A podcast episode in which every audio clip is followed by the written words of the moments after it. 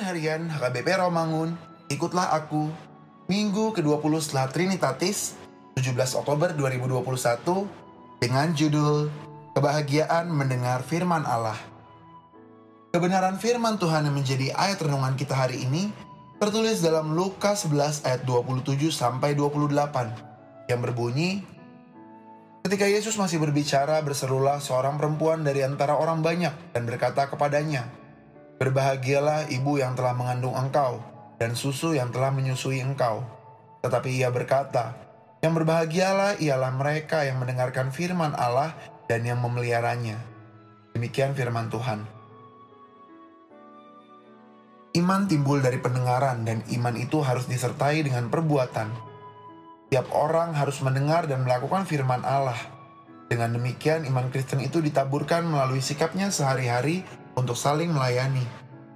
Allah menjamin akan memberikan keselamatan kepada siapa yang memanggil namanya, tapi orang tersebut juga harus percaya dan mau memberitakannya kepada orang lain. Oleh karena itu, iman timbul dari pendengaran, sehingga pendengaran menghasilkan pengajaran akan firman Allah.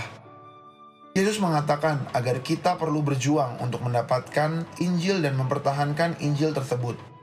Hal ini juga menjadi tugas penginjil untuk memberitakan Injil kepada semua umat manusia dan mengajarkan agar mereka mau bersabar dengan mendengarkan Injil tersebut. Sikap seperti ini harus didukung dengan sikap yang saling melayani kepada sesama manusia, sehingga ketika Tuhan datang, maka kita didapati tidak sedang bermalas-malasan, Artinya kita tetap berjaga-jaga dan selalu waspada. Manusia telah dibuatakan oleh kenikmatan dunia ini. Orang-orang seperti itu akan mati dalam dosa dan kesalahannya. Jadi, merekalah yang disebut dengan ateis, sebab mereka tidak percaya kepada Injil dan mereka juga mengatakan sangatlah sulit untuk percaya sebab sulit untuk melakukan. Marilah kita berdoa. Ya Tuhan, Kuatkanlah kami untuk dapat melakukan segala firman-Mu.